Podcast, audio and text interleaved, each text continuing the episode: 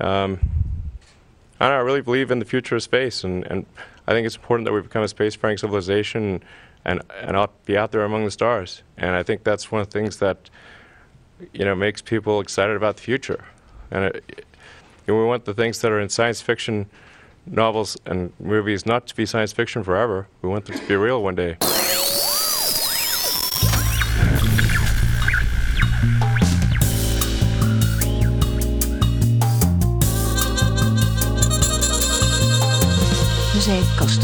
Opgenomen zondag 3 maart 2019.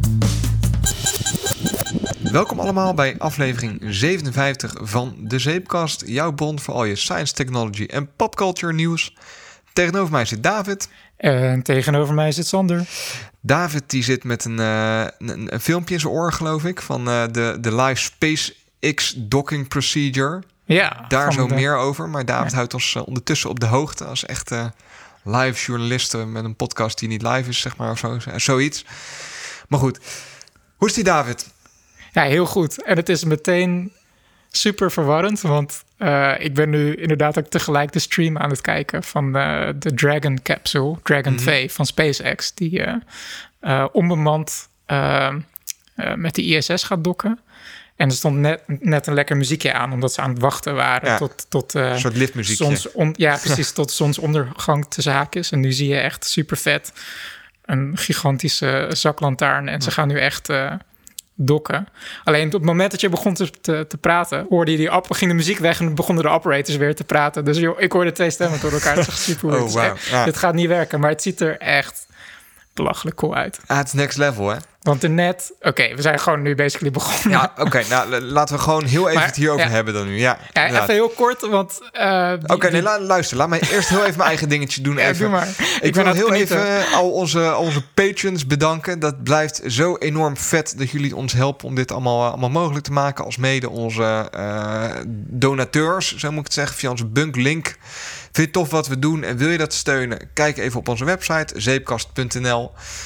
Um, nou ja, ik heb in ons Slack-kanaal, die je ook kunt joinen via onze website zeepkast.nl, uh, een oproepje gedaan voor shout-outs, maar niemand reageert. Dus ik denk dat iedereen deze stream aan het kijken is. Het is ook zondagochtend en iedereen is de stream aan het ja. kijken. Ja. Oké, okay, dat was hem. Die bij mij enorm hapert, dat is wel jammer. Ja? Leven internet. Maar bij mij uh, gaat het wel uh, aardig. Leven internet. Ik loop nee, echt misschien even wat background, want we gaan er nu vanuit dat iedereen weet waar we het over hebben. Maar gisteren is ja. uh, do door SpaceX is hun, uh, ja, hun eigen alternatief voor de, voor de Soyuz-raket eigenlijk. Dus de, de Russische ja, raket. capsule. Ja. Die nu, of ja, de Russische capsule. Is, is, het is een hele raket ook, toch? Of... Uh, de Soyuz is de, ja, dat is, dat, is de, dat is de capsule, dat is niet de raket. Ja, oké, okay, oké. Okay. Net als dat de Falcon 9 nu de, de, de Dragon 2-capsule Space ingeschoten heeft. Ja. Dus Amerika was afhankelijk van Rusland daarin. Mm -hmm. En die heeft, uh, heeft eigenlijk NASA, uh, om, om daar een beetje minder van afhankelijk te worden, heeft geroepen uh, of heeft gezegd dat ze graag willen dat Amerikaanse bedrijven dat, uh, dat gaan doen of gaan overnemen. Mm -hmm. En uh, daar zijn nu eigenlijk twee grote bedrijven mee bezig. Dat is SpaceX en dat is Boeing. SpaceX heeft gisteren zijn testlaunch gehad. Dat is een, een Falcon 9 raket. Dus die hebben ze al ja. wel vaker afgevuurd met daar Falcon bovenop. Falcon 9. Falcon 9. Ja, dat klinkt ja. in het Engels veel toffer. Ja. Falcon 9. Valk nummer 9. Valk nummer 9, ja. Met daarbovenop een Crew Dragon Capsule. Dat is ook een mooie naam. Ja. Dus daar, daarin, uh, ja, dat moest wel lachen, want je zag dat ding bovenop en er zitten nu geen mensen in en ze gaan puur dat ding naar boven schieten om te kijken of het allemaal een beetje lukt en kan. Ja. Maar dat ding ziet er van binnen precies uit als een. Tenminste, je ziet dat het een beetje een Tesla interieur is. Hè? Alsof Hollywood het bedacht het heeft. Het is extreem clean en wit. En, en met een soort van lounge stoelen waarin je achteruit kan. Het is echt, echt wel een soort, soort uh, fashionistische look op, uh, op, op space traveling gebeuren. Ja, alsof echte designers er zeg maar ik, ik miste een beetje het grote scherm in het midden, zeg maar. Je, je, je, je uh, grote tablet waarvanaf je alles kunt regelen. Ja, ja, de airconditioning in je cockpit en zo, weet je wel. Ja. Maar dat zag je ook al aan, die, aan, die, aan, de, aan de spacepakken, aan de ruimtepakken die SpaceX ook ontworpen heeft. Want er zit een testdummy uh, in de capsule. Ja. Uh, Ripley heet die. Mm -hmm. En ze zijn nu aan het dokken. Het ziet er echt super cool uit. Ja, dus ze hebben dat ding gisteren afgeschoten. En er is nu een livestream bezig waar je ziet... Oh, confirmed. Shot capture confirmed. Ja? Heel veel gejuich op de achtergrond. Ja. Nice. Dus het is Connectie gelukt. confirmed, dus het is gelukt. Ja. Dus ze hebben nu live die... eh, of ze hebben het ding gisteren afgeschoten. Ja. Ze hebben de raket, de Falcon 9, is teruggeland op eh, het moederschip Of Course I Still Love You. Ergens midden in de oceaan. ja. En ehm, hij is nu aangekomen bij het ISS. Dat zit in, ik geloof, low orbit. Klopt Ja, dat? low ja, orbit, low orbit. ja. Dus zit niet eens zo heel hoog, maar dat zit eigenlijk, eh, zweeft dat rondom de aarde. Mhm. Ehm, net buiten de dampkring, waardoor het eh, technisch in space is. Mhm. En daaraan is nu eh, een capsule vastgemaakt. En dat is de, de eh, SpaceX eh, Crew Dragon capsule. Ja, de Dragon 2. En dat is eh, ja, voor, vooral voor Amerika gewoon een, een enorme stap. Natuurlijk dat ze sinds decennia... eh, eh, nou, kijk, ze, had- ze hadden natuurlijk... 2001 was het geloof ja, ik, hè? de laatste... dat is bijna, dece- bijna, bijna decennia meervoud. Ja. Ze hadden natuurlijk die Space Shuttle program... die op een gegeven moment met een aantal ongelukken Ja. Met pensioen ging. En sindsdien eh, was er niet echt een vervangend programma. En de, de, de private sector die biedt, biedt nu eigenlijk uitkomst. Ehm, ik, gisteren heb ik ook die, die eh, persconferentie gekeken met Elon Musk ja, die en heb NASA. ik even gemist. Ja, was best was super interessant om te kijken Ik- eigenlijk. Ik blijf dat altijd, maar, maar goed, dat, dat, Ja. dat benadruk ik Ja. iedere aflevering geloof ik, maar gewoon het bizarre aspect van alles. Dat ik liep gisteren buiten in de ochtend met de hond op Ja. mijn telefoon te kijken naar een raketlancering van een Falcon 9 raket met daarin Mhm. een soort eh, dummy pop die heet Ripley en Ja. een knuffel die kan rondzweven. Of, of was dat die dummy pop? Nee, hè? Nee, nee, die Ripley, eh, eh, ik weet niet of het zo is, maar waarschijnlijk vernoemd naar de, de, de hoofdpersonage uit Alien. Ehm, en er zat ook een soort plusje knuffel, Ja. zeg maar, eh, Dus- in de dus- vorm van, van een aardbol. Eigenlijk gefinancierd door een miljardair die dan naar boven wordt geschoten van het, het, het, het ene gedeelte teruglandt op het moederschip Of Course I Still Love You. Ja. En het andere gedeelte, dat, gaat helemaal nergens over Ja, allemaal. we leven in een echt- bizarre tijd, hè? Wat? Ja. Ik heb de stream eh, weggezet, want het leidde me enorm af. Eh, maar het is in ieder geval gelukt. ja, ja, dus En je de, hebt de kans- missie is nog niet klaar, maar eh, Ja, hij gaat nu geloof ik iets van vier dagen dak te blijven. ik weet niet eh, hoe lang. Ik, de- of het was een aantal weken of een aantal dagen. Ik heb dat niet gecheckt. En ik dan is de volgende. vier dagen en dan zou hij weer terugkomen. Ja. Ja, en dan is de volgende fase om te checken of de re-entry, de, de, de, Ja, de terugvlucht. de terugvlucht, of, of dat ook te overleven is. wel zo fijn, zeg maar, als je een ticket boekt naar. ISS of eh, de maan of whatever. Eh, maar die persconferentie was echt best wel vet om te zien. ja, vertel, Ehm, waarom? was, nou ja, dat was eigenlijk een, een, een gezamenlijke persconferentie van SpaceX en NASA. Mhm. Want eigenlijk is het De missie is van NASA en de uitvoering is van SpaceX. Zo moet je het zeggen. Nou, ik denk dat het, dat het nog veel dieper gaat dan dat. Dat eigenlijk ook in het design van de, van de Dragon 2-capsule... eh, dat Elon Musk ook aangeeft dat het eigenlijk een, een hele eh, gezamenlijke effort was tussen... ja, jij ingenieurs Dragon, tussen- tussen- Dragon 2 en dat Ja. is, de, de, dat is de, de Crew Dragon capsule. hè? Ja, Dat, ja, ja, ja.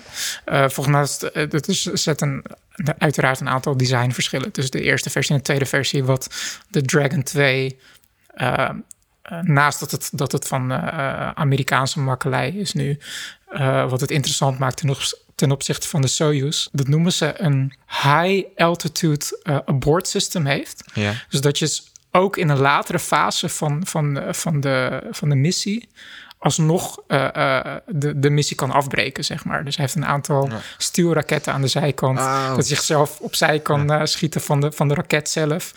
En dat kunnen ze op een vrij hoge afstand nog steeds uitvoeren. Dat je nog steeds een abortknop kunt indrukken.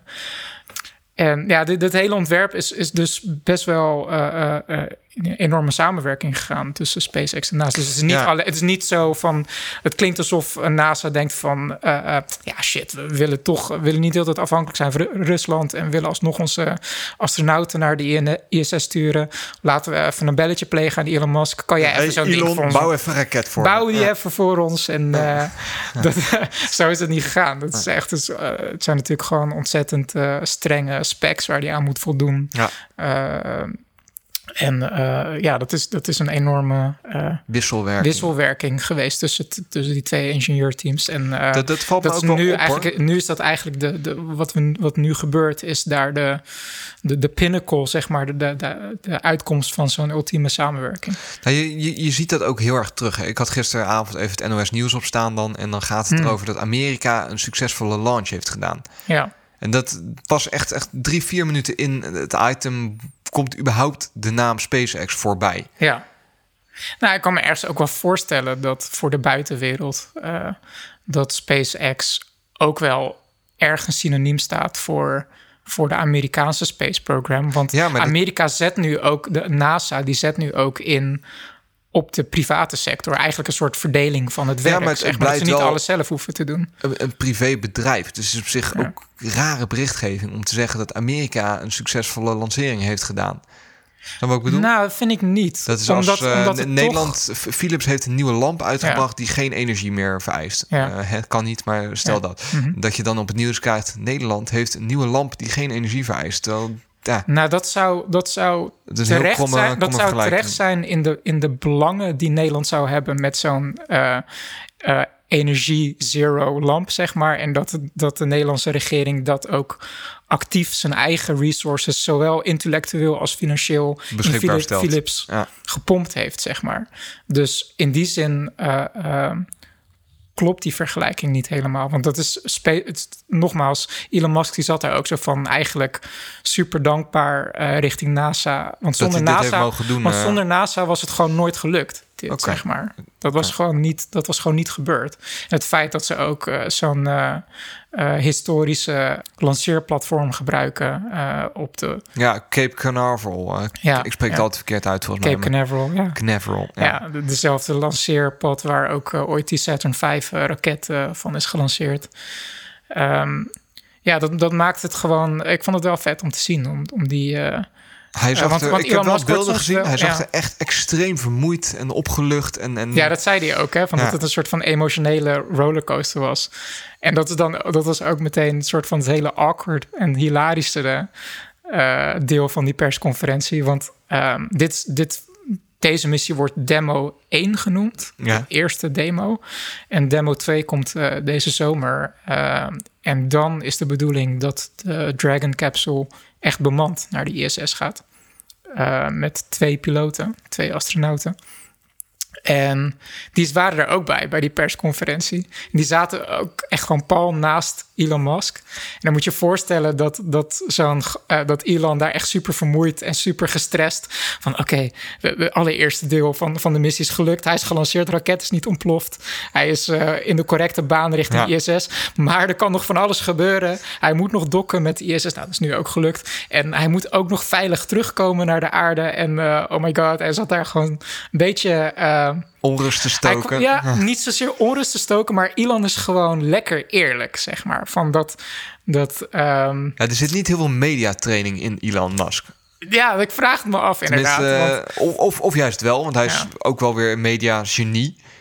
Maar juist door zich niet altijd aan de regels te houden. ja, ik weet niet of het een bepaalde, of het zeg een bepaalde authentieke charme is of zo. Maar je, je ziet daar wel gewoon iemand zitten die gewoon snapt hoe ingewikkeld het is en wat er allemaal fout kan gaan, zeg maar. En hij, hij houdt zich waarschijnlijk ook natuurlijk eh, eh, bezig met, met elk detail. En Ja. hij, hij heeft volgens mij nog steeds de officiële titel lead, lead eh, designer, zeg maar, binnen SpaceX. Ehm, en dan vraag ik me zo af, als je daar als piloot naast, zeg maar, de lead designer zit, die, die, die daar niet zorgeloos Moet- moet je zit, zeg even- maar, wat gaat er dan door je heen, zeg Moet, maar? moet je even nadenken hoe zijn werkweek er dan uitziet, hè? afgelopen week. Dan heeft hij eh, nou, eerst een paar dagen geleden de lang verwachte lancering van de 35 dollar, 35.000 dollar kostende Model 3, die Ja, eigenlijk ja. heel de auto-industrie op zijn kop zou moeten gaan zetten. En dat gaat allemaal live. En een paar dagen later heeft hij de lancering van zijn eigen raket, waarvan hij hoopt dat het ook allemaal goed gaat. Dat, dat surrealistisch. Dat is- Ja. wat, hoe ziet je agenda er dan uit? Is dat... dat Ja, lijkt me toch, ik, eh, eh, toch apart. Dan, dan vraag je je af wat je zelf doet met je leven, zeg maar. Ja, nou ja, ik, eh, hè, ik maak een podcast. We leuren een beetje over hoe knap het is. Ja. Ehm, ja, maar het is, het is gewoon... ehm, aan de ene kant zat, zat ik te denken van... de Soyuz hebben, we het al, hebben we al, heeft zich bewezen. Dat werkt gewoon. Het enige verschil Dus is dat, dat Amerika, van een... eh, dat Amerika het nu, nu ook weer kan. Zeg en, maar. en goedkoper waarschijnlijk. Want Soyuz die Met, komen eh, niet terug. Eh, de Soyuz zelf komt wel terug. Maar de, de, de, De- de raketdelen raket, niet. Die, Nee, de nee, raketdelen, eh, die komen inderdaad niet Dus het is minder circulair.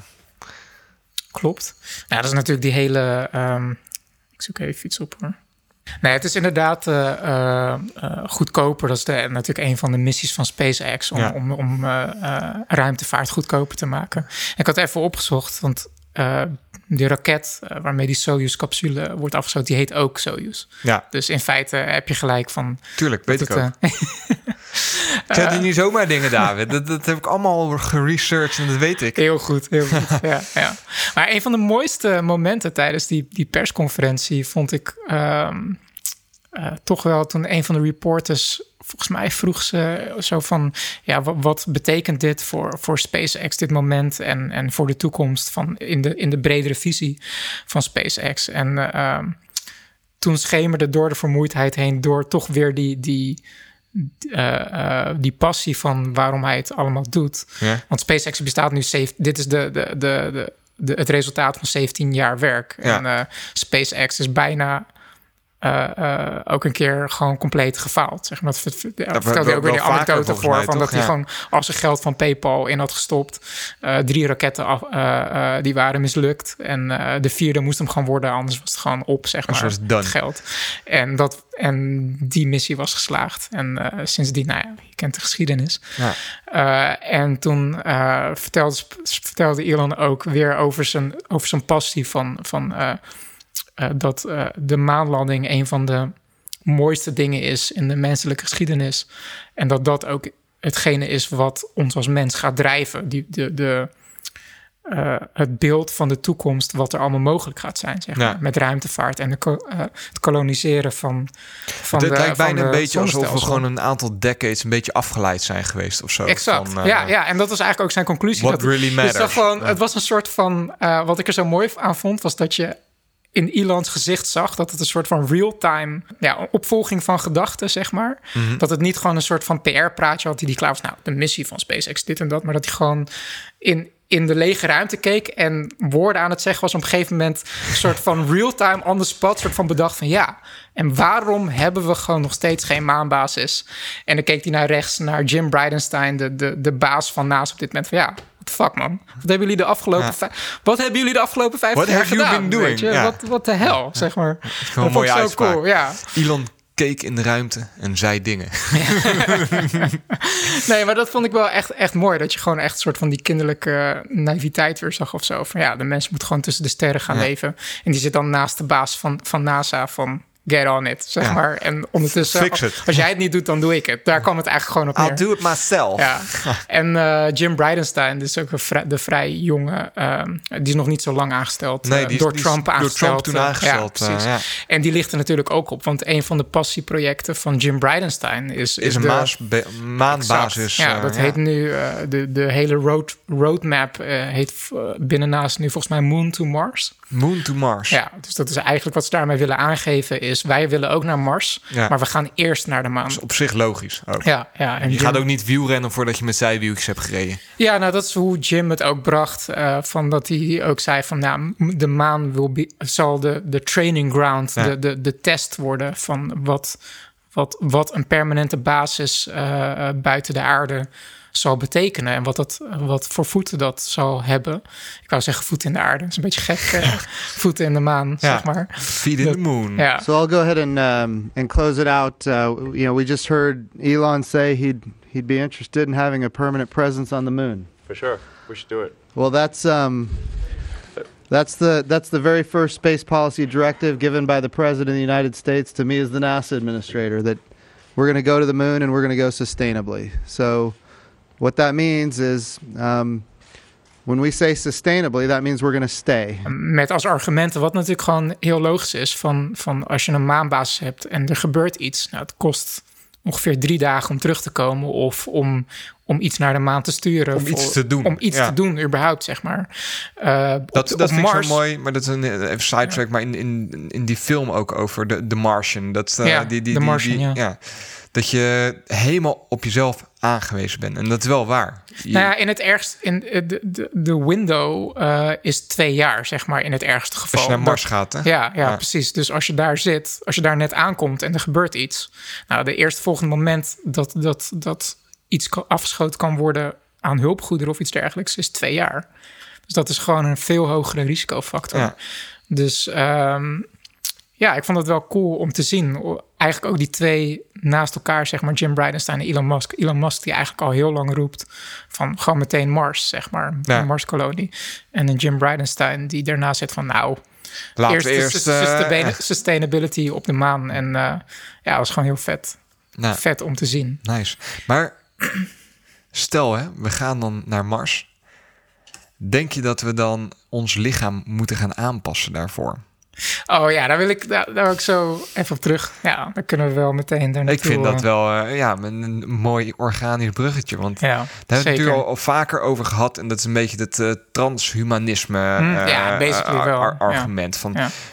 ons lichaam is tot nu toe geëvalueerd hier op aarde naar... Is eigenlijk Onder een gevolg, natuurlijke pressures. Ons lichaam is een natuurlijk gevolg van de aarde. Dus wij zijn wie we zijn omdat we hier zo goed eh, kunnen overleven met de tools die we hebben. Ja. Die gekke worstjes die aan onze handpalm zitten, noemen we vingers. En dat is helemaal voor hier. eh, nou, Ja. zo is alles is een gevolg van onze evolutie hier. Mhm. Als we hier weggaan, dan hoeft dat niet per se meer meerwaarde te hebben. Verlogenen we onszelf dan door. Als we even ervan uitgaan hè, dat we Mhm. technologieën als CRISPR en eh, nou, Mhm, goed, mhm. we, we kunnen echt ons lichaam eh, zelf scheppen. Dat is Ja. een heel eng. eh, Nou, vind ik ja. wel mooi gezegd. Maar Ja. stel we kunnen dat, doe die aanname. Moeten we dat dan ook doen als we interplanetair gaan? Of is dat echt onszelf verlogenen omdat dit nou eenmaal is wie we zijn? Ja.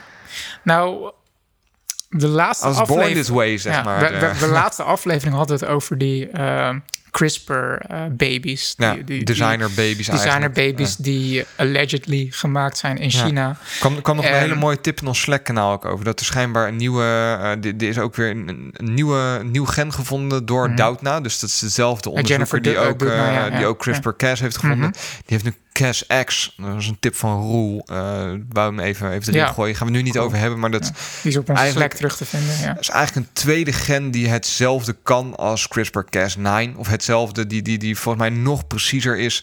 Goed, wat ik daaruit meenam en wat heel tof was... Ja. is dat het schijnbaar dus niet extreem uniek is dat dat mogelijk Nee, is. maar dat, dat gaf uh, dus even weer een enorme Sidetrack, side, ja. enorme sidetrack. Maar dat is wel grappig, want dat, dat stond in principe ook uh, uh, in het boek uh, A Crack in Creation, Ja. geschreven door Jennifer Doudna. Uh, ik weet eigenlijk niet of het Doudna of Doudna is. Ik zeg altijd Doudna. Ik, ik, zeg altijd Doudna, maakt niet uit. Uh, dat in principe de, de, de, die Cas9 uh, CRISPR-technologie mm-hmm. is een technologie die in feite ontstaan is door een oorlog tussen bacteriën en virussen. En is het maar. een technologie? Ja, in, in, in de breedste zin van het woord is het een, Het is- het een technologie. Biologie. Ja, Nou ja, bi- biologie, technologie, nu komen we op een vaag filosofische ground, zeg maar. let's het is, not go het there. is, het is een, een wapen wat bacteriën hebben gemaakt om niet constant eh gehijacked te worden door virussen, zeg Ja. maar. En bacteriën hebben daar verschillende technologieën voor, voor bedacht. Waaronder gewoon elke Bedacht. ja, Weer zo'n ja, ding. Ja, precies. Bedenken. Ja, exactly, ja. Maar dat is ook gewoon, ja, is, is evolutie, is dat een, een denkend wezen? Nee, dat Ja. is gewoon een... een maar voor, voor de, in, de- in onze menselijke communicatie zou je dat zou je kunnen doen Niet alsof... anders kunnen omschrijven zou je dat ook. kunnen Ja. doen alsof, of, alsof dat een actief denkend agent is, zeg maar. En eh, zo'n bacterie die heeft... Die, die, he- die hebben daar door de verschillende evolution, evolutionaire pressures... eh, zijn er verschillende tools uit voort, Ja. voortgekomen. Ja. Waaronder, Technologie, waaronder bijvoorbeeld eh, elke vorm DNA, DNA die binnenkomt, gewoon als een papierversnipperaar helemaal kapot maken. Dat, was, dat noemden ze volgens mij CAS 1 of CAS, Cas 6 tijd geleden dat Ja, ik dat boek gelezen heb. is dat eigenlijk. Maar dat is gewoon inderdaad destro- destroy, zeg Ja, maar. een beetje de is voor ons niet zo niet, niet direct handig. En wat zo revolutionair aan Cas9 was, is dat dat dus ook een technologie was om, om eh foreign DNA eh, uit te knippen. Maar dat kunnen wij ook als een word, word processor gebruiken. Dus natuurlijk heeft, heeft, heeft de, in de biologie en de evolutie zijn er verschillende varianten die uiteindelijk eenzelfde doel hebben. Maar de ene is wat, wat voor ons dan Wat bruikbaarder. wat bruikbaarder dan, dan, de andere, zeg maar. Weet je, Dus dat verbaast me eigenlijk helemaal niks... dat er alternatieven gevonden worden binnen dat domein... tussen die wapen, wapenwetloop, als het Ja. ware... tussen bacteriën en En virussen. het, het mooie daaraan, eh, maar goed, dan gaan we echt helemaal sidetrack. Maar, Ja. maar volgens mij is het zoeken van eh, dat eh, Cas-X-gene ook een beetje een gevolg uit de rechtszaak die daarover gevoerd is, over CRISPR-Cas9. Ja, Eh, dat, en ik meen dat Do- Doetna heeft niet eh, de volledige patentrechten op die nee, dat, CRISPR-Cas9. dat klopt. Ja. Omdat er een andere eh, universiteit is en die heeft Ja. het eerder bruikbaar gemaakt en gelijk alle Mm. patenten op aangevraagd. Mm. Dus Blijft dat is wel mooi hoe dat soort gekke, menselijk bedachte dingen als, als, als patenten en ja. nu dan bijdragen aan het vinden van een andere techniek die. Snap je? ja. Dat vind ik gewoon grappig. Ja. Dat wou ik even zeggen. Ja. Laatst daarover. Waar hadden we het over? We hadden het over naar Mars gaan, transhumanisme. Ja, en eh, ehm, onze lichamen aanpassen. En zijn we dan nog wel eh, ja, eh, true to ourselves? Zijn we nog nou, wel misschien even voor, nog, nog meer background voor deze open discussie, wil ik maar zeggen. background? is ehm, vorige aflevering ehm, hadden we het dus ook over die CRISPR, CRISPR eh, designer babies. Ja. En toen, ja, eh, uiteraard gingen dan ook wel- kwamen we op een gegeven moment ook weer over Marskolonisatie en dat soort dingen. Daar, daar komen zei- altijd op uit. Ja, dat is waar het over hebben, Ja. we komen altijd... eh, ja. Ja. En toen zei je eigenlijk vrij ehm, ja, laconiek of zo, of gewoon vrij, je gooide er vrij makkelijk uit van, ja, het is toch gewoon logisch dat als we een Marskolonie gaan bouwen, dat we CRISPR ook gewoon moeten gebruiken om mensen te ontwerpen die zon, eigenlijk zonder ruimtepak, zonder eh, in een grot moeten gaan leven, gewoon op een tussen haakjes natuurlijke wijze. Om het leven makkelijker te maken voor mensen op Mars. Nou, alsof de mens Ja. zeg maar natuurlijk hoort in die omgeving, Ja, zeg on- maar. Onze visie Ja. op, een even, op een eventuele evolutie op Mars. In plaats creëren. van Mars sapiens, in plaats van Homo sapiens. Ik, ik coin de term maar even. Mars sapiens. Ja. Ja. Ehm, en toen, eh, ik weet niet meer hoe ik daarop reageerde, maar we gingen gewoon weer door. Marspians. Ja, Marspians. oh my god. Eh, en toen, eh, ik was de aflevering aan het editen ook. En de week later, ik, het bleef maar in mijn hoofd rondspelen van... Hoe kan je dat nou zeggen eigenlijk? Weet je, dat is best wel heftig. Ja. Van dat je ehm, in principe bewust de keuze maakt... om de homo sapiens familie, zeg maar, op te splitsen of zo. Want in mijn mind is dat eigenlijk inderdaad een...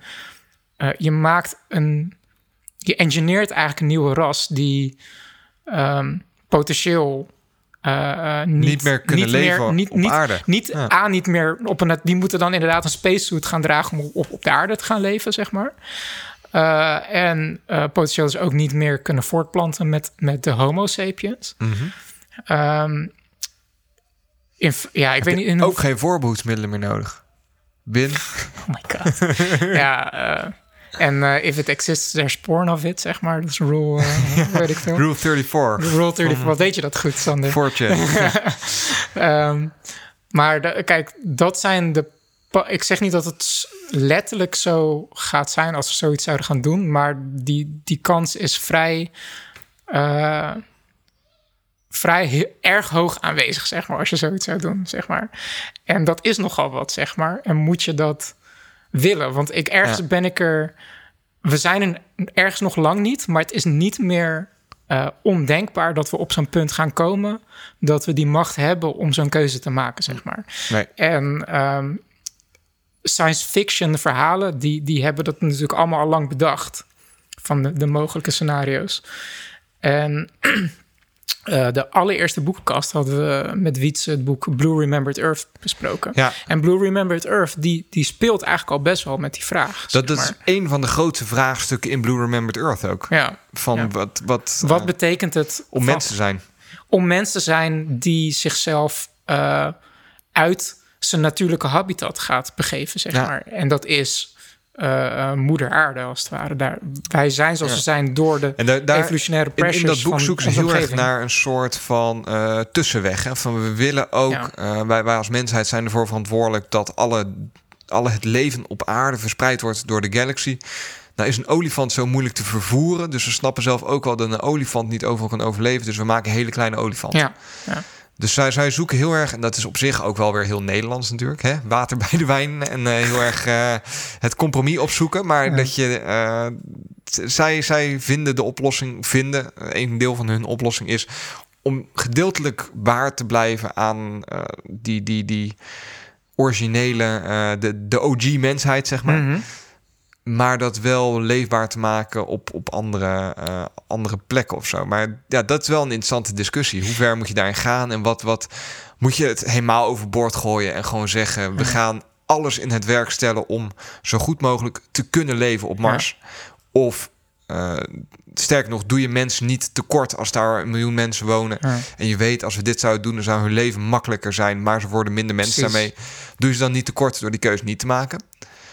Ja. Eh, Nou ja, kijk, want aan de ene kant even voor de beeldvorming in het boek Blue Remembered Earth eh, werd die filosofie van de, het, het, het menselijk homo sapiens blauwdruk, zeg maar, als iets vloeibaars zien, als een machine waar je ook, bij wijze van spreken, een duikboot van kan maken of Ja. een vliegtuig, zeg maar. Ja. We, zijn, we zijn landwezens. of een walvis. Maar ja, nou letterlijk inderdaad. Maar er is dus een, een eh, in het boek eh, is er een stroming. die- Transpermians, Tra-. Transpermians, zeg maar. En, en die hebben ook een, een soort politieke beweging die heet eh, de United Aquatic Nation. Ja. En dat is eigenlijk gewoon een soort onderwaterstad met transhumanisten die zichzelf hebben omgevormd tot meer vrouwen en meer mannen, zeg maar. Eh, dus die dus ook met kieuwen en zo en die dus gewoon Ja. onder water kunnen ademen, omdat zij ervoor kiezen om niet op land te gaan leven, maar in de oceanen van de, van de aarde, zeg maar. Eh, en eh, hun filosofie is daarin van, nou, wij kiezen ervoor om onze natuurlijke omgeving te veranderen. En in plaats van dan onder een, een koepel in de oceaan te leven, willen we gewoon als vis kunnen leven, zeg Ja. maar. En die- in dat boek wordt die filosofie dan verder doorgetrokken dat die United Aquatic Nation aanhangers, zeg maar, ook een Marskolonie hebben en dat ze daar aan het experimenteren zijn met mensen die eh, eh, ja, op natuurlijke wijze gewoon in die atmosfeer kunnen leven. Klinkt Het gaat eng, dan- hè? en dat gaat ook in dat boek gewoon, want zover zijn ze dan nog niet, zeg maar. Ze hebben de techniek onder de knie om onder water te leven, zeg maar. Maar nog niet op Mars. En dat gaat dan gruwelijk mis met een gast die super misvormd is en, en een huid van steen heeft of iets dergelijks. Het is Ja, echt eh, super Hij is goor. gewoon fucked. Hij is gewoon fucked, maar hij geeft zelf wel aan van ja, dit is het offer wat ik breng, omdat hij er Het doel filosofisch de in middelen. gelooft dat, dat de mens zich moet opsplitsen in, in de verschillende natuur, natuuromgevingen die ze tegen gaan komen. En dat is eigenlijk waar jij het ook over had. Nou, je kunt je afvragen of het op een gegeven moment niet ook gewoon eh, onvermijdelijk is om dat soort keuzes te gaan maken. En dat Nou- weet ik niet, hè? Maar ik kan me wel voorstellen dat, Ik, Je ja, als ik mens vraag zijn me nog... Ja, goed, ga, ga verder. Ja. dat je als mens zijn niet. ehm, nou ja, wat misschien dan de vraag is, is of onze ehm, eh, ja, drang naar eh, uitbreiding en ontdekken groter is dan ons, eh, eh, ons mens zijn. ja, Want als wij alles willen ontdekken, alles willen zien, dan zul je op een gegeven moment, denk ik, en dat, dat weet ik helemaal niet, maar dan kan ik me voorstellen, zo moet ik het misschien zeggen, dat je aanpassingen moet gaan doen aan je mens zijn om op plekken te komen waar je anders niet kan zijn. mhm. Extreem bizar voorbeeld, maar Mhm. stel dat eh, we willen ooit op de zon lopen. En ja. we hebben een techniek waarmee we, of we kunnen mensen aanpassen dat dat, dat kan. ja. Wat is dan sterker? De wil om mens te blijven en dat niet te doen en nooit de zon te bewandelen? Of de wil om toch de zon te bewandelen en dat mens zijn dan op te geven? Dat is een ex- extreem, extreem gedachte-experiment. Maar ik snap waar je naartoe wil gaan. En ik merk, en ik merk dat ik toch de andere kant op neig, zeg maar. Mhm. Ehm, en waar eigenlijk waar ik mee struggle is of dat een soort van innerlijke nostalgie is, zeg maar. Van dit is wat ik ken, dit is wat vertrouwd voelt, dus dit is goed. Mhm. Eh, dus eigenlijk de drang om iets, iets statisch te houden, als het ware. Ten opzichte van die verandering te, te om, omhelzen. Oké, oké. Nee, maar dus, dus jij maakt de keus. Eh, ik, ik, ik zou dat niet doen. Eh, laten we nog een stapje verder nemen. De techniek is er. Dus we, hebben Mhm. een, een- we zeggen als je dit spuitje neemt, dan kun je op de, op de, de zon rondwandelen. Ja. Maar je bent geen mens meer. Ja. Je kan niet met andere Niet- mensen niet voortplanten. je bent niet volgens. Nee. ja. Dus jij zegt: Oké, nou, ik Solar vind dat mens zijn vind ik toch belangrijk. Ik doe het niet. Nou, dan gaan we naar eh, de, de volgende generatie. De generatie daarna. De generatie daarna. Op een gegeven moment gaat er toch iemand zijn die zegt: van, Nou, ik ga dat toch wel doen. ja. Nou ja, Dus is, is het houdbaar om dat niet te doen? Dat is nog een open vraag. Want eh, kijk, sowieso moet ik wel, eh, wil ik wel even onderstrepen wat, wat onderdeel aan, aan deze discussie is. Is het s- nog super science fiction, zeg maar. Dus eigenlijk is het een probleem waarvan ik voorzie dat het nog niet zozeer relevant is voor mijn levensduur, zeg maar. Dus in die zin kan ik zeggen, ja, ik, heb het, ik maak me zorgen over iets wat ik toch niet mee ga maken. Maar aan de andere kant, ja, we zijn de zeepkast, zeg maar. Is het wel iets wat op een Het is ge- toch wat leuk ooit misschien, misschien over duizend jaar wel wat jij zegt op een gegeven moment een onvermijdelijke vraag gaat worden, zeg maar. Ehm, kijk, op dit moment is bijvoorbeeld als je naar CRISPR kijkt, is het nog niets, is dat, is dat bij, dat lijkt nog lang niet op dat spuitje wat je zegt van Nee. als je dit spuitje gebruikt, dan ben je ineens eh Spider-Man of zo. Weet je, half mens, half spin. Nee, dat, zo werkt het gewoon niet.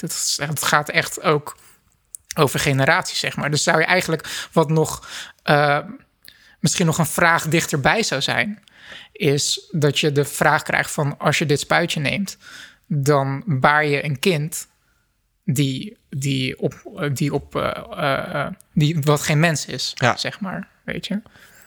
Is het dan een kind? Of sta je DNA af en wordt er in een, in een eh, eh, kunstmatige baarmoeder wordt er een, een, een wezen gegroeid, een Mars sapien, zeg maar.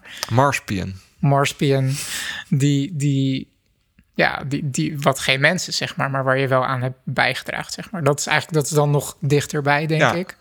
En dat is, zeg maar, eh, een soort van that's fucked up alarmbel gaat, gaat dan af in mijn brein. En ik vraag me af ergens waarom, zeg maar. Weet je? Want, eh, ehm, kijk, eh Kort Gezacht heeft onlangs een filmpje geplaatst over... Building a Mars base. Ja. En wat een kut idee dat eigenlijk is. En Ja, dat we het nou- niet moeten doen en dat we het daarom gaan doen. De, de, de, de titel is letterlijk... Building a Mars base is a horrible idea. Let's do it. Zeg maar. En in dat filmpje gaan ze dus... eh, ehm, eh, eh, eigenlijk alle stappen af van wat voor vijandige eh, ehm, omgeving Mars voor ons Homo sapiens wel niet is. Ja. Met alle straling en temperatuur. En het is echt insane. En dat het gewoon echt letterlijk hel wordt, zeg maar, om daar te leven en zeg maar op die permanente basis te leven. Maar technisch gezien kan het wel, zeg maar. Alleen leef je wel waarschijnlijk in, in, een, in een kleine buis van zoveel eh, vierkante meter onder de grond. En elke keer als je naar buiten wil, moet je een gigantisch pak aan. En het is echt verschrikkelijk, zeg ja, maar. het is niet leuk. Nee, maar het, het kan wel, zeg maar. Dus dan is het inderdaad... ehm, Ja, die, die titel die, die insinueert al dat die eh, uitbreidingsdrang toch wel vrij groot is. En ik herken dat bij Precies, mezelf het ook eigenlijk, wel. Ja, ja, dat, dat, dat is inderdaad van waarom, waarom zou je dat doen, zeg maar. Weet je? Want de, wij zijn letterlijk niet geëvalueerd voor die omgeving. En er zijn dus ook eh, genoeg eh, eh, ruimtevaart... educators, ik zit meteen te denken aan Neil deGrasse Tyson en Bill Nye, die zeggen van ehm, ja, de mens moet naar Mars, maar niet permanent. Het is gewoon puur. eh, eh, ze, denken meer van inderdaad van ze, ze erkennen dat de, de, de drive van de mens enorm groot is. Net als eh, vroeger met schepen. Dat we. ja, is er geen kortere route naar India? Laten we eh, de dat grote, het een beetje Pandora's box is. ja, laten we de grote there. oceaan opgaan en kijken hoe, kijken hoe ver we komen, zeg maar. Weet je. En zo, zo wordt eh, Amerika ontdekt eh, door Columbus. Ja. Of de, de, de drang, exploration drang van de vikingen, ga zo maar door. Die drang zit er, zeg maar. Dus dat erkennen ze ook. Eh, dat is ook waarom we naar de maan zijn geweest. Maar Because we can, ja, not because it's, not because it's uh, easy, but, but because it's hard. Ja, precies.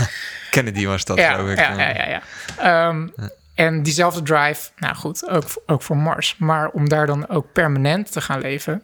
nou, dat, dat, dat zien mensen als Neil deGrasse Tyson en Bill Nye niet zitten. Er zegt van, nou, we kunnen gewoon robots sturen.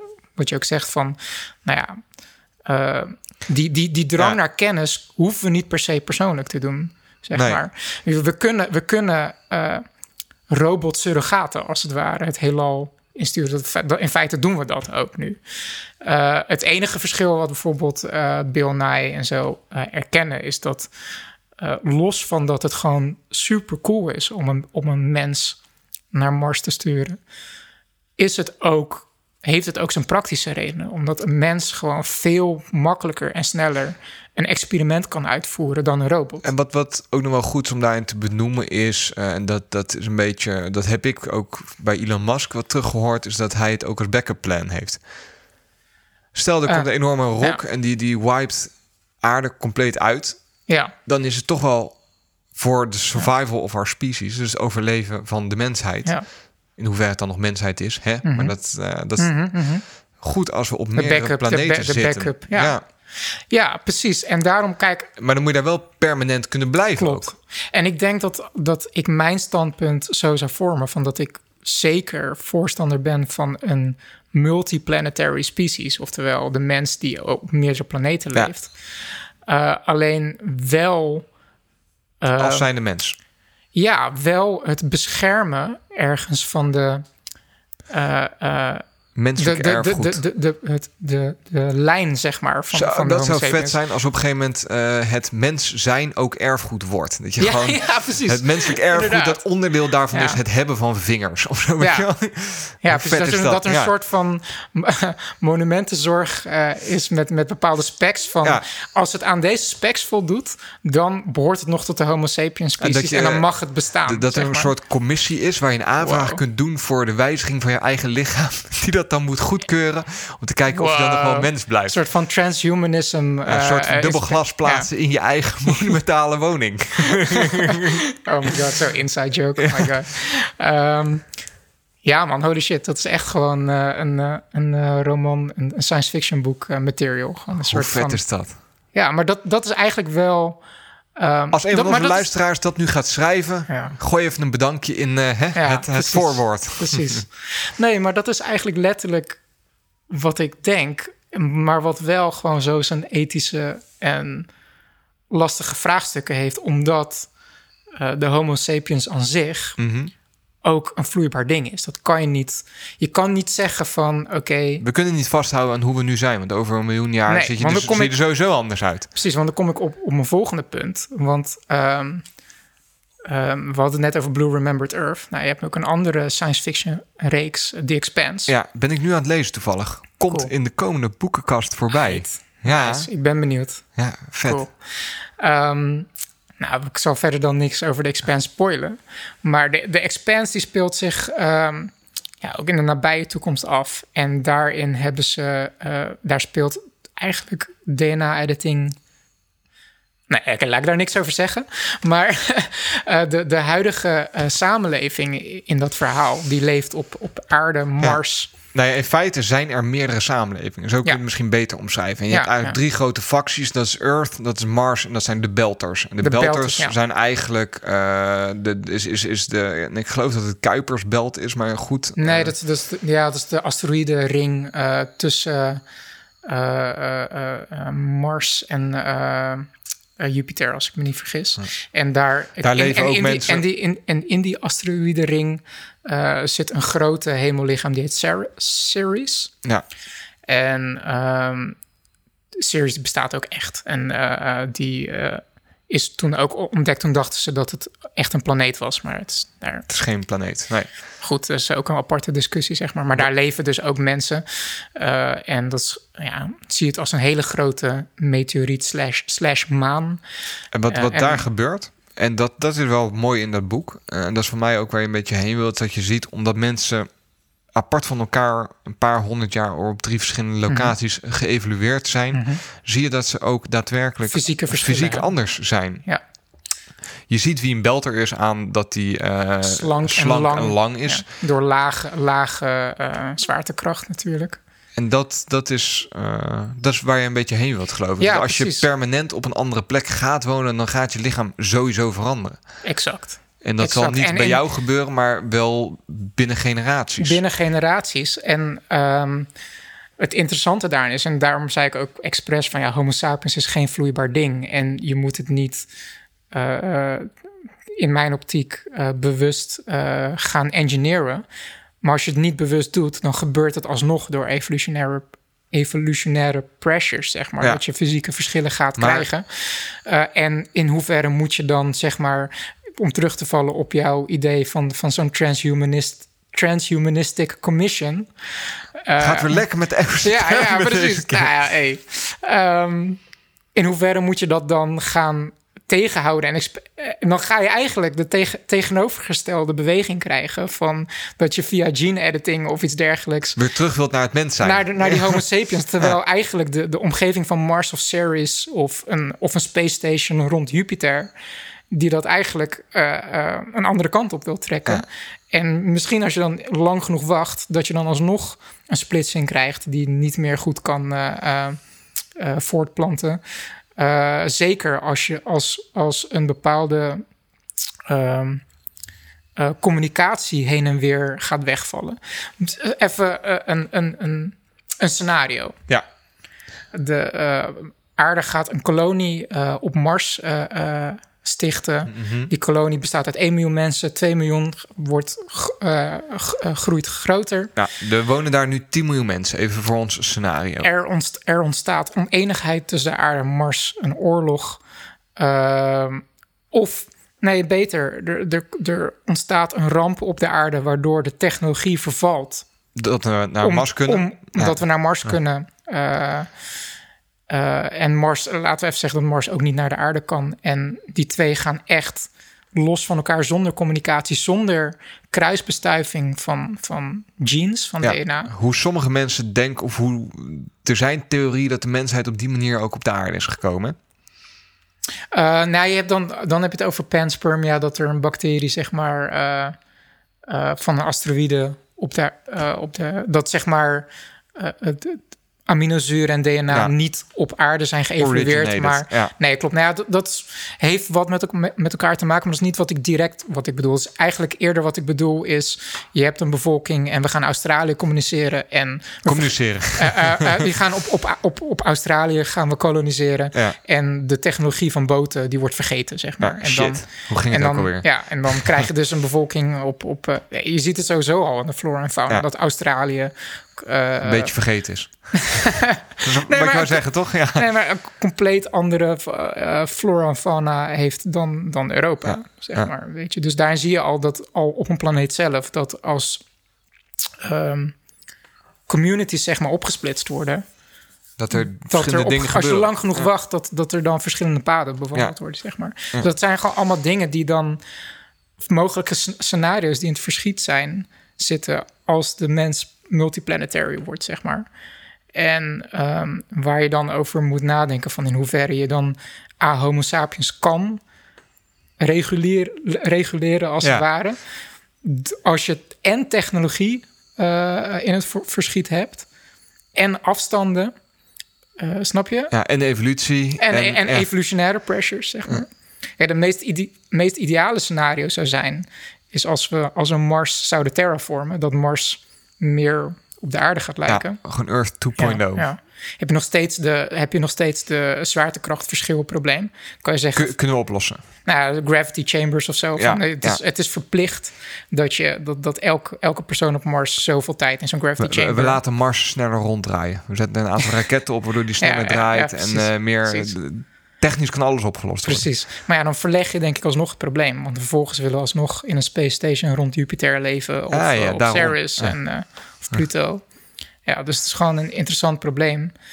Ehm, To go where no man Ja. has gone before. en ik denk dat mijn conclusie is dat ik, het gewoon, dat ik er gewoon van schrok hoe makkelijk je het de vorige keer zei. En dat ik eigenlijk nu een soort van... eh, ik, ik zat als tien stappen voor je. Ik had dit proces al lang doorlopen waar jij nu doorheen gaat, David. Dat is echt... de- de- ja, maar ik wil niet zeggen dat ik dat nu is aan het einde van deze rit... 2018. Nee, maar dat- ik ben aan het kan. einde van deze rit alsnog niet met, Dat met kan. jou eens. Dan hè? heb je gewoon nog even tijd nodig. Ja. Hmm. ja. Ik geef het een jaar, dan hebben we het er weer over. Ja, nou, is goed. Is goed. Dan hebben we het aflevering over- eh, 57. Nee. Ja. Dan is opeens ontdekt dat er wel zo'n spuitje is waarmee als je dat... eh, Ik ben hem nu aan het ontwikkelen om op de zon te wandelen. Ja. ja. Sander wil op de zon. eh. Nee, dat, Waarom zou je dat willen? ja, weet ik veel. Dat was gewoon een goed voorbeeld, vond Ja. ik. Ik dacht lekker bizar. Ik hou wel van Ja. bizarre voorbeelden. Maar je kan niet op de zon lopen, dan zink, zink je naar de kern. Denk ik. Wel met speciale zonboots. Ja, zonboots. Ja, die ben ik ook aan het, eh, aan het uitvinden. Dat zijn schoenen waarmee je op de zon kan lopen. Als je het spuitje hebt genomen. Nice. Zo, dat was even een heftige discussie, hè? Discussie, een, heftig onderdeel, zo moet ik het misschien noemen. Ja. Ja. Mhm. Zullen we even naar wat luchtigers gaan? Laten we dat doen. Ja, nou, ik wil even, even uh, je hebt vorige keer als tip gegeven, uh, van een aantal dingen. Mhm. Als eerst hebben we vorige aflevering aangekondigd dat we Bandersnatch zouden gaan bekijken. Mhm.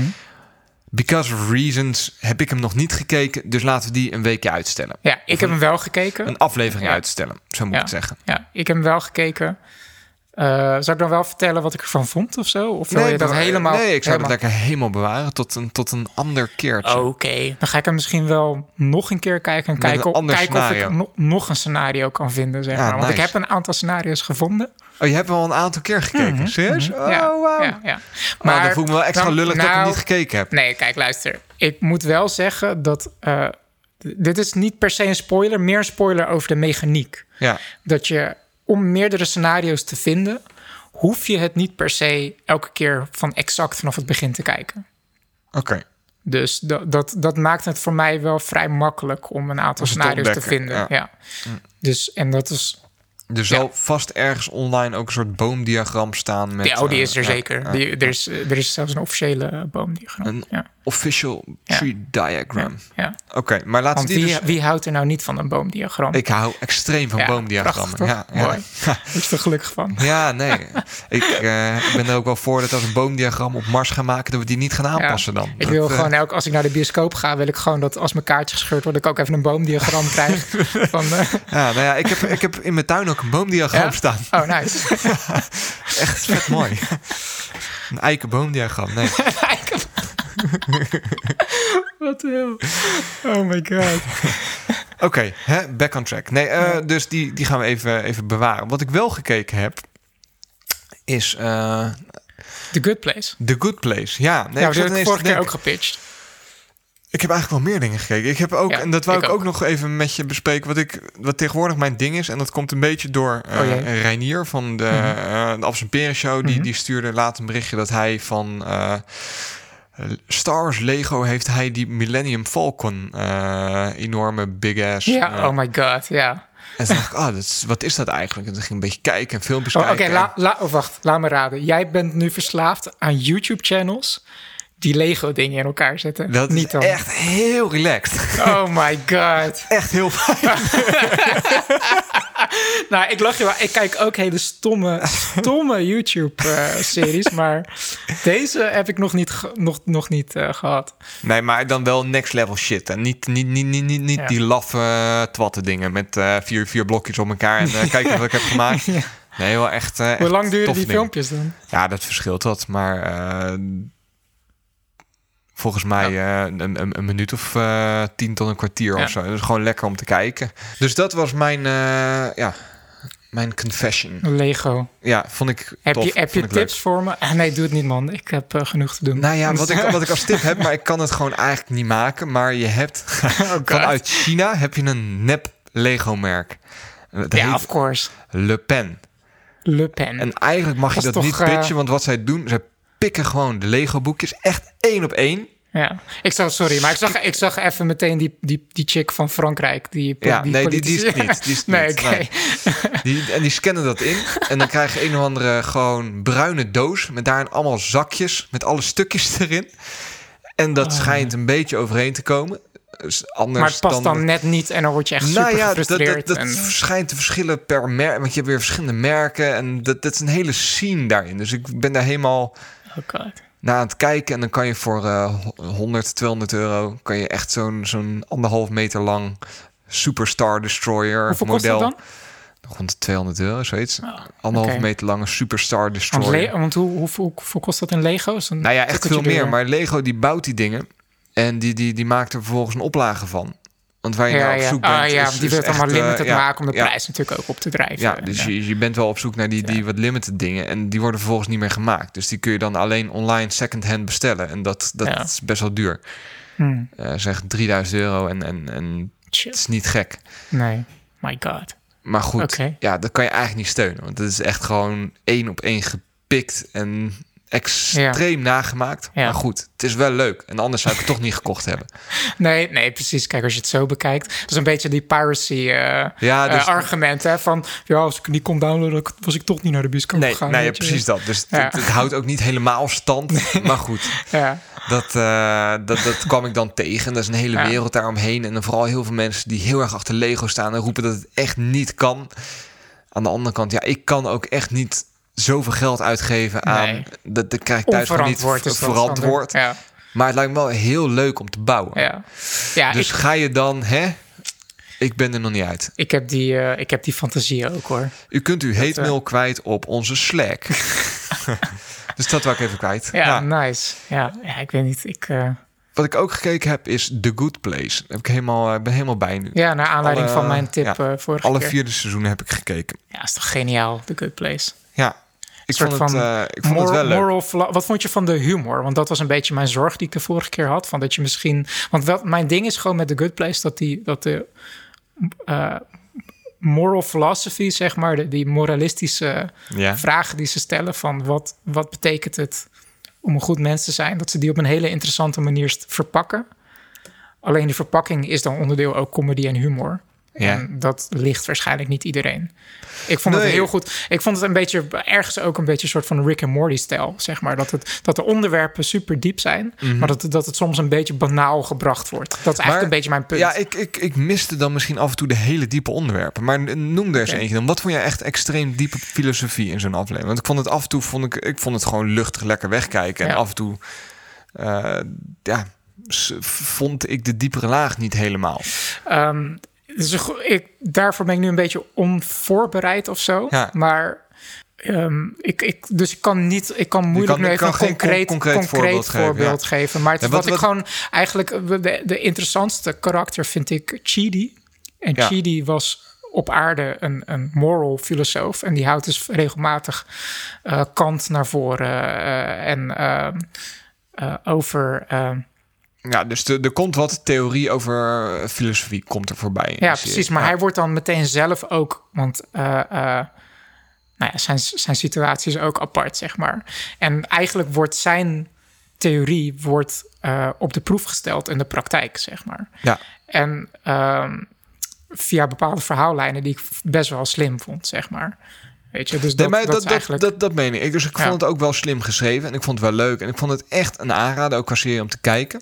Maar ik vond het geen eh, moral philosophy eh, de- de- les, zeg maar. Ik heb niet het Nee. idee dat ik meer weet over filosofie dan dat ik daarvoor Mm, ja. deed. Nee, maar misschien heb ik het dan verkeerd verkocht. Want ehm, daarom, die, die, die Rick en Morty vergelijking schiet me ineens te binnen. Ik denk dat het wel een goede vergelijking is. Want als, ik pretendeer ook niet van ga Rick en Morty kijken. Want dan snap Nee. je meer van kwantummechanica. Nee, maar Rick Dat echt Morty niet zo. heeft mij wel veel meer aan het denken gezet Ja. dan eh, dus, dus over dingen als Ja, multiverses ook- ja. en, en echt wel Het heeft denk, ik, nihilisme. heeft denk en- ik meer met, met interesses te maken. Zoals die aflevering van Rick and Morty, waarbij je eh, die, die, die, ja, ik weet niet hoe die heet. Even helemaal uit mijn hoofd. Maar je hebt zo'n aflevering, daar spelen ze zo'n videogame. En als je die videogame speelt, dan denk je dat je, ja, ja, ja, ja, dat je echt een, iemand anders leven leeft. En dan leef je heel dat leven. En als je doodgaat, dan Ja. ineens ben je weer terug in je eigen lichaam. Ja. En dan weet je dat het allemaal een game was. Maar terwijl je dat spel speelt, ja, dat vond ik echt wel... Ja, en een leven van 60 jaar voelt dan ook echt als 60 Ja, jaar. Maar het echt, die. Ja, Roy. Ja. Live Roy. Oh my god. Ja. Dus dat vond ik echt een heel zware aflevering. Dus echt, echt, en, en dat hij dan heel triest doodgaat en een gezin achterlaat. En hij komt terug in de, de, de, de echte wereld. En dan heb je daar eh, Rick die hem hartstikke uitlacht omdat het echt een slechte score is. Of zo. Ja, ik, ik weet niet. Dat vond ik echt, Ja. Echt een heftige aflevering. Ja. En dat heb ik niet gehad bij, b- bij The Good Place. Nee, dat begrijp ik wel. Dat begrijp ik wel. Ik denk wat ik interessant vind aan The Good Place is dat zij eigenlijk in het, in het geheel een soort van opperen van... eh, oké, we proberen via verschillende... verschillende filosofen hebben het ook geprobeerd... Door bepaalde, met bepaalde maxims en regels Ja. en wereldfilosofieën van... dit moet je doen om een goed persoon te zijn. Ja. Wat En- is een goed persoon? En- Maar dat het in, in werkelijkheid dat het, dat het veel complexer is. En dat, dat, dat, dat, dat er allerlei paradoxen ontstaan Ja. van als je bepaalde maxims volgt. Ik, ik vind de uiteindelijke con- Ja. conclusie waar ik nu ben, vind ik wel mooi. Ja. Eh, ga ik niet spoilen, maar als je hem gezien hebt, dan weet je ongeveer welke kant dat omgaat. Ehm, dus ik, nee, ik vind Ja. het wel, wel aardig. Ik zou hem iedereen aanraden. Cool. Ja, Nice. ik had ook eh, Russian Doll gekeken. Die heb ik wel voorbij zien komen op ja, dat vond ik sowieso dat, grappig dat nu met Netflix dat. dat eh, eh, Netflix die, die eh, promoot nu allemaal zijn eigen shows. Dat iedereen gewoon een beetje zijn, dezelfde dingen aan het kijken is, Ja. zeg maar, weet je. Ja, Dus eh, Russian Doll vond ik vermakelijk. Het is, ik vond het heel eh, kunstig en heel mooi uitgewerkt. Maar het gaat eigenlijk gewoon Groundhog Day van iemand die constant dezelfde dag beleeft. ja. Is niet helemaal waar, maar de, de, de, de hoek die ze in dit verhaal hebben gedaan is dat de hoofdpersonage, eh, die eh, eh, haar verhaal begint tijdens haar verjaardag. Op een gegeven moment gaat ze door een ongeluk dood. De eerste keer is het een auto-ongeluk. En dan wordt ze weer wakker op, daar, op haar verjaardagsfeestje, Ja. zeg maar. En, wel flex. Dan ben je gewoon honderd keer ja. nou, dat, het, voor haar is dat echt niet flex, zeg Nee? maar. Het is, nee, het is echt een soort personal hell, zeg maar. Werd ze dertig of niet? Nou, oh, dat is een goeie. Nee, ze werd niet 30, maar ze werd wel iets van 34 of zo. Ah. Ja. Wel op zo'n zo'n leeftijd, zeg Ja. maar. Ehm, en eh, ehm, waarom ik zeg, want het is niet helemaal waar dat ze constant dezelfde dag eh, beleeft. Ze, ze houdt het soms langer vol, zeg maar, voordat het ongeluk gebeurt. Maar het ongeluk is Ja. on- onvermijdelijk, zeg maar. Ja. En dat, dat is ergens hilarisch. Maar het is een, het is een mooie... onvermijdelijk. Oeh. ja. Maar ergens is het, is het, eh, het is een mooi verhaal, mooi gemaakt. Zou je hem aanraden? Als je tijd over hebt, zou ik hem aanraden. Het is geen must. Cool. Ja. Zullen we afronden? Yes, laten we doen. Nice. Heel lieve luisteraars, bedankt voor het luisteren weer. Ik heb het in het begin ook al even geroepen, maar we zouden het tof vinden als je even op onze Slack meekomt kletsen. Dan kun je ehm, nou, eigenlijk alle dingen bespreken die wij deze aflevering hebben besproken, maar ook alle andere dingen. Hè? Dan kun je over praten waar je maar wilt. Ehm, we hebben ook een website, zeepkast.nl. Neem daar ook eens een kijkje. Dan is het nog wel leuk om even te benoemen dat er binnenkort weer een nieuwe boekenkast aankomt. En die zal gaan over het eerste boek van die Expense-serie. Ja, die heet Leviathan's Wake, Ja. Ja. Ik ben er niet bij, maar ik ga zeker luisteren. Tof. Of ik ga hem ook editen, dus... Ja, dus, eh, dus die komt eraan. Ik ben, eh, ik ben nu aan het herlezen. Met, met wie is hij wel, want by the way? De, Hij de is met, eh met Reinier van Appels en Peren. Hij is met eh Randall van Met Nerds om tafel. Die eh, was de vorige aflevering ook. En hij is met Maarten van Tech Snacks. Die was de vorige aflevering ook. Dus met eh, Cool. die vier vormen we het panel voor komende aflevering. Geef dat ook eens een kans. Ben benieuwd wat je ervan vindt. Nice. David, jij eh, weer bedankt. Ik vond het een leuke aflevering. Ik vond het ook een leuke aflevering, Sander. Jij bedankt. Lieve Wat, wat, wat sluiten we weer lekker formeel af, Sander. Wat leuk. Ja, nu moet ik het geforceerd minder formeel gaan maken. Hé, later hè? Is dat Yo, beter? Oké, hey, live long and prosper. Ciao.